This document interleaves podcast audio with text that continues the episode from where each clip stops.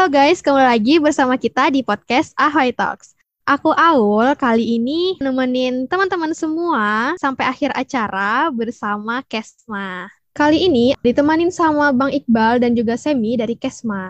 Nah, topik kali ini tuh Kesma adalah Jalan Ninjaku. Udah gak sabar banget nih uh, mau ngobrol sama Bang Iqbal dan juga Semi. Halo Bang Iqbal, halo Semi. Halo. Gimana nih kabarnya Bang Iqbal sama Semi? Alhamdulillah baik nih kabarnya. Alhamdulillah Ul, gue juga baik kabarnya. Alhamdulillah. Nah, boleh kali ya kenalan dulu nih. Mulai dari Bang Iqbal dulu deh. Halo guys, kenalin gue Alfaris Iqbal, biasa dipanggil Iqbal dari THT Angkatan 5 asalnya dari Bekasi. Halo juga guys, kenalin nama gue Sami Muhammad Arsi dari THT 56, asal gue dari Depok. Titik awal mula Corona mulai. Kapan-kapan main lah, gue tunjukin langsung ke spotnya. Waduh, titik awal mula banget nih. Serem kayaknya ya.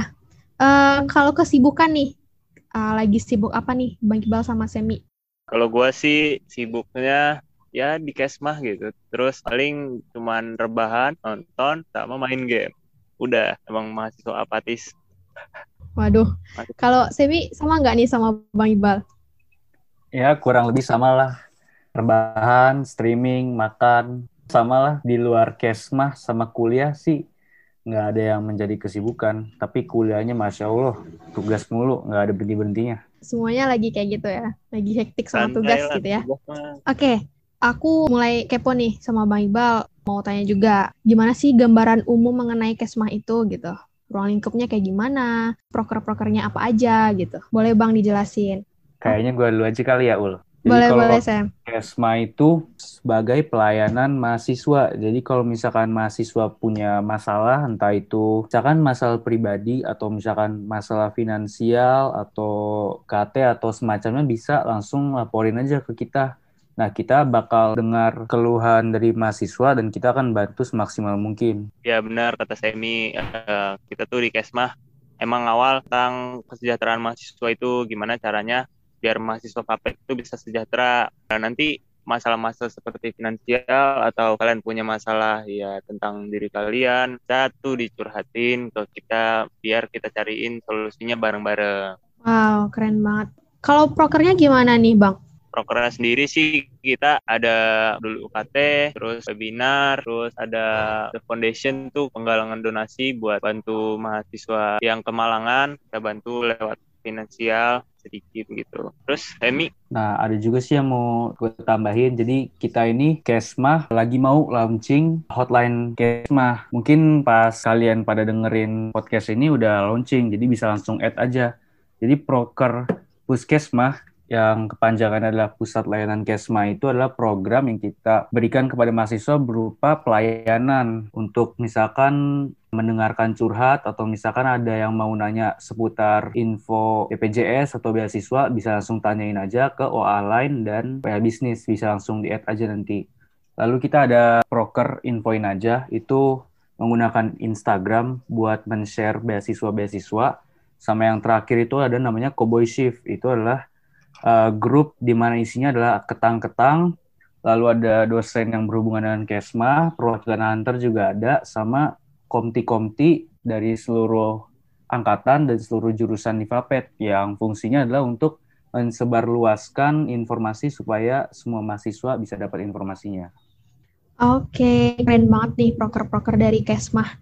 Kita doain semoga proker-prokernya ini dapat terlaksana semuanya dengan baik. Amin ya Bang, amin. Amin. Nah, sebelumnya nih Bang Ibal sama Semi, kenapa sih pilih untuk aktif di kampus dan pilih BEM khususnya itu Kesmah? Kenapa pilih aktif? Karena menurut gue gue tuh masih gabut gitu. Kayak tadi kan kegiatan gue ya cuman kuliah nonton main game. Ya ya udah makanya gue ikut organisasi BEM kenapa pilih Kesma um, gue suka coba-coba aja gitu. Kayak sekalian nyari pengalaman. Gue juga baru di Kesma tadinya. Gue tuh ada di departemen lain. Jadi gue pengen biar banyak lah pengalamannya Oke, keren banget nih jawaban dari Bang Iqbal. Kalau Semi gimana nih Sem? Apakah juga karena rebahan atau gabut? Sama juga sih, kayak Bang Iqbal, gue juga terlalu gabut, cuma rebahan doang, streaming. Gue rasa gue kuliah di PB ini bukan cuma buat nge-zoom, nungguin video di LMS doang. Gue kuliah di PB ini juga buat dapetin lingkungannya, suasananya, bangun relasinya. Tapi karena semua itu terampas akibat pandemi corona ini, gue harus cari hal baru. Gue coba aja daftar di Kesma. Sekalian juga buat nambah pengalaman berorganisasi, belajar banyak juga dari yang lain, sama bangun relasi juga sih, gitu. Oke, bener juga sih. Maksudnya kayak di kondisi kayak gini kan kita sering di rumah ya, jadi perlu banget untuk uh, mencari kegiatan baru yang positif dan menambahkan semangat kita gitu. Hmm, aku mau bertanya lagi. Uh, tadi aku juga sempat singgung nih bahwa kita sekarang itu lagi di masa pandemi karena ada COVID-19 dan pastinya menghambat aktivitas juga kan. Kondisi Kesma sendiri gimana nih selama masa pandemi? Nah, jadi sebelumnya gue waktu masuk Kesma ini udah langsung online. Jadi gue belum pernah ngerasain organisasi Vapet saat masa offline. Tapi yang jelas pastinya sama juga dengan semua departemen. Pasti terjadi kendala di saat transisi dari offline ke online. Ya salah satunya sih banyak sekali program-program Kesma yang menjadi lebih rumit. Dan bahkan ada yang tidak memungkinkan juga untuk diwujudkan di era online ini. Ya benar banget. Dulu tuh kita punya proker namanya donor darah. Itu kan karena sekarang lagi COVID, jadi kita nggak bisa ngelaksanain itu secara offline. Terus uh, karena transisi dari offline ke online pun, kita dari PB-nya sendiri pun ada gitu bantuan-bantuan buat membantu mahasiswa tuh dalam kegiatan pembelajaran seperti bantuan kuota, bantuan pengurangan UKT, bantuan cashback UKT tiap bulan kayak gitu sih paling jadi ya kita diri Kesma sendiri pun banyak gitu program-program tuan gitu buat ngawal itulah maksudnya biar semua mahasiswa Papet tuh bisa dapet gitu jangan sampai ada yang terlewat jadi walaupun proker-proker ada yang nggak bisa dijalankan selama pandemi ini, tapi udah ada proker-proker yang disusun untuk menggantikan proker selama offline gitu. Iya benar. Hmm, kita ada sesuatu nih, yaitu kita bakal menjawab Q&A yang kemarin udah ditaruh di IG Bemfapet. Nah, jadi ada beberapa pertanyaan yang masuk nih. Jadi aku baca pertanyaannya, kemudian Bang Iqbal sama Semi dijawab langsung aja ya. Untuk pertanyaan pertama nih, dari Misar underscore 19. Apa bedanya advokasi kesmah dengan advokasi kastrat Matthew, kata gitu. Waduh, makasih Misar buat pertanyaannya. Kalau dari Kesma BEM Papet sendiri itu kita pastinya itu dipindahin ke Kastrat. Jadi sebenarnya kita tuh udah nggak ada advokasi lagi. Jadi kita sebenarnya cuma pengawal program-program yang sejahterakan mahasiswa seperti yang udah disebutkan tadi kayak bantuan-bantuan gitu.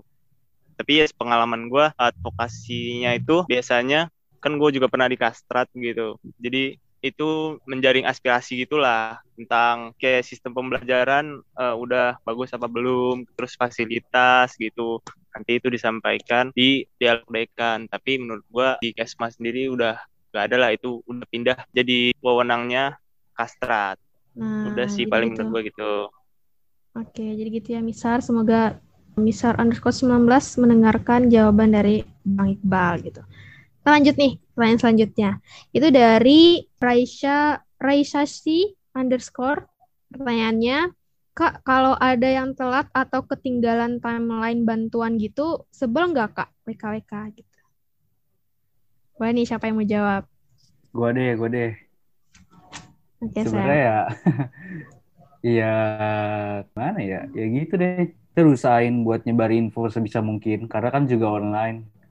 Jadi emang kita udah ngelaksanain 100% itu dalam penyebaran infonya, tapi masih banyak juga orang-orang yang kelewatan atau mungkin lupa. Ya ujung-ujungnya sih jadi pusing buat kita, pusing juga buat dianya, pusing juga ke atasnya juga sih. Jadinya kalau bisa sih sebisa mungkin lain kali lebih ini lagi diperhatikan infonya.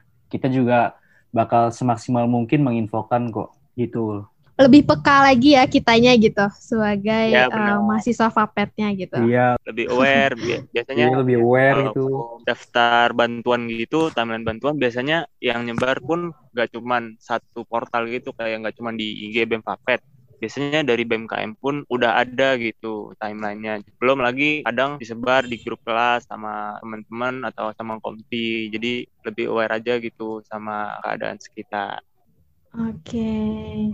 Siap, kita lanjut ke pertanyaan selanjutnya. Itu dari MZN underscore. Jadi obrolin nih budgeting sebagai mahasiswa biar nggak makan tisu tiap akhir bulan. Waduh, makan tisu gimana tuh? gimana tuh Bang Iqbal sama Semi? Waduh, M Zaidan, masa sampai segitunya sih? ya menurut gua, menurut gua nih ya, tips budgeting ya gimana manajemen uang sih kayak kalian misalnya dapat uang kiriman kita akan bisa ada yang dikirim setiap minggu atau setiap bulan pandai-pandai aja atur uangnya gitu. Biasanya yang ini yang dikirim setiap bulan tuh suka boros awal bulannya langsung jajan ini jajan itu. Nah itu mungkin bisa ditahan lah biar akhir bulannya tidak menderita. Benar banget. Jadi tahu kondisi diri sendiri lah ya bang gitu ya. Ya benar karena. Oke takutnya nggak ada nggak ada pasangan siapa yang merhatiin ya bang apalagi jauh dari orang tua. Aduh. Nah benar banget. Aduh aduh. Aduh. kita oke okay, kita lanjut nih ke pertanyaan selanjutnya itu dari M Isan um, mau tanya mau tanya soal the foundation apa boleh mengirimnya di luar rentang waktu yang ada dan komentar terkait itu gitu siapa nih yang mau jawab gua deh jadi kalau the foundation itu kita walaupun mengirim dua kali dalam sebulan tapi sebenarnya 24/7 365 sih. Jadi kapan aja mau mendonasikan nggak ada larangan, nggak ada batasan. Karena ya yang penting itu kan niat baiknya untuk membantu saudaranya yang kesusahan, entah itu di Fapet atau luar Fapet atau bahkan luar IPB sendiri. Yang penting kan dan niat baiknya. Dan komentar gue sendiri sih ya terima kasih. Uh, lu udah mau membantu kita insya Allah kita akan salurkan dengan sebaik mungkin supaya yang membutuhkan akan mendapatkannya gitu. Oke, jadi ya, bisa banget. kapan aja gitu ya, bisa kapan aja berarti ya. Ya, kapan aja. Oke, kita lanjut ke pertanyaan selanjutnya itu ada dari Mega titik Indah underscore. Halo Kesma, kapan nih ada webinar mental health lagi katanya gitu? Siapa nih yang mau jawab? Gue deh uh, webinar mental health sendiri itu bakal kita adain di bulan Oktober, insya Allah tanggal 10. Uh, eh, kita ke pertanyaan terakhir nih, Baibal sama Semi. Dari Z-nya tiga kali ke underscore. Pertanyaannya, Kesmah punya CP buat curhat-curhat gitu nggak sih? Masih kontak pribadi apa? Waduh, kontak pribadi. Keluar aja dah kalau kontak pribadi. ya. Sok dah kalau cewek. canda, canda, canda. Bercanda guys. jadi, nggak, jadi kita mau launching ini kok OA Line dan WA Bisnis. Jadi bisa langsung aja di add nanti lihat postingan BM Vapet. Ntar kita udah kasih tahu caranya gimana nge-add-nya. Tungguin aja nanti kita bakal launching buat membantu menjawab pertanyaan-pertanyaan ayam Vapet. Mantap banget. Jadi ada ya. Oke, kita udah jawab pertanyaan-pertanyaan dan juga udah cerita-cerita juga tadi itu panjang banget cerita kita. Jadi boleh nih dikasih tahu harapannya untuk Kesmah ke depannya gitu. Boleh dari Bang Iqbal dulu. Dari gue sendiri sih harapannya semoga tetap semangat, internalisasinya semakin kuat, semoga jadi keluarga lah bahasanya kalau di Fapet tuh. Semoga kita bisa ngawal kesejahteraan mahasiswa bersama. Asik. Harapan gue semoga kita tetap solid, bisa saling bantu, membantu. Gak cuman ngebantu mahasiswa-mahasiswa yang butuh, tapi kita juga ngebantu satu sama lain. Jadi kita saling bantu-membantu supaya kita bisa bantu mahasiswa-mahasiswa, terutamanya FAPET, dengan 100% lah gitu. Dan semangat terus guys. Ya kita okay, emang dituntut buat kepekaan sosialnya tinggi lah. Jadi boleh nih, Kesma itu seru loh. Jadi kalau mau nanti masuk Kesma, boleh. Pasti semua itu ada seru, ada enggaknya. Tapi boleh banget nih untuk masuk ke Kesma Fapet IPB. Oke, jadi keren banget sih cerita-cerita kita tadi terus harapan-harapannya. Semoga harapan-harapan yang udah disampaikan tadi itu benar-benar bisa terkabulkan dan terwujudkan dengan baik gitu. Amin. Nah, kira-kira ada closing statement gak sih untuk pendengar setia kita di luar sana gitu? Boleh dengan siapa dulu nih? Semi kali ya. Oke, kalau dari gue sih closing statementnya mungkin jalanin dulu aja apa pun itu.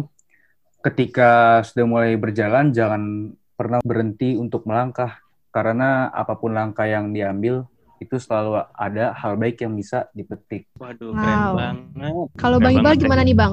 Eh, kalau dari gue karena kondisi pandemi ini menurut gue nggak memungkiri pasti ada aja kayak masalah-masalah yang timbul. Nah nggak apa-apa itu anggap aja cobaan lah.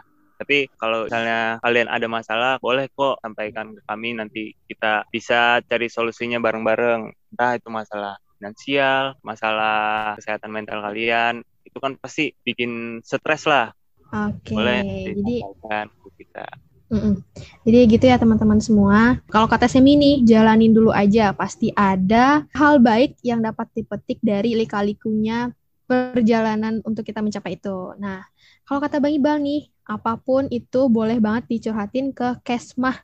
Pokoknya mau itu curhat tentang mental ataupun masalah finansial. Gitu teman-teman semua. Dan tentunya Terima kasih banyak untuk uh, Bang Iqbal dan juga Semi yang udah mau cerita-cerita nih bareng aku di Ahoy Talks. Semoga Bang Iqbal sama Semi uh, sehat-sehat terus ya dan jaga kesehatan gitu. Ya, Kak Fapet, sehat-sehat dan terima kasih banyak juga kepada pendengar setia kita nih. Thank you so much udah mau dengerin kita sampai akhir ini, tapi jangan sedih. Kita bakal kembali lagi di minggu depan dengan orang yang berbeda. Siapakah itu? Jadi minggu depan kita akan kedatangan tamu dari Risdik Press nih. So, teman-teman semuanya, sampai jumpa di episode selanjutnya. Let's sit and talk with Ahai Talks.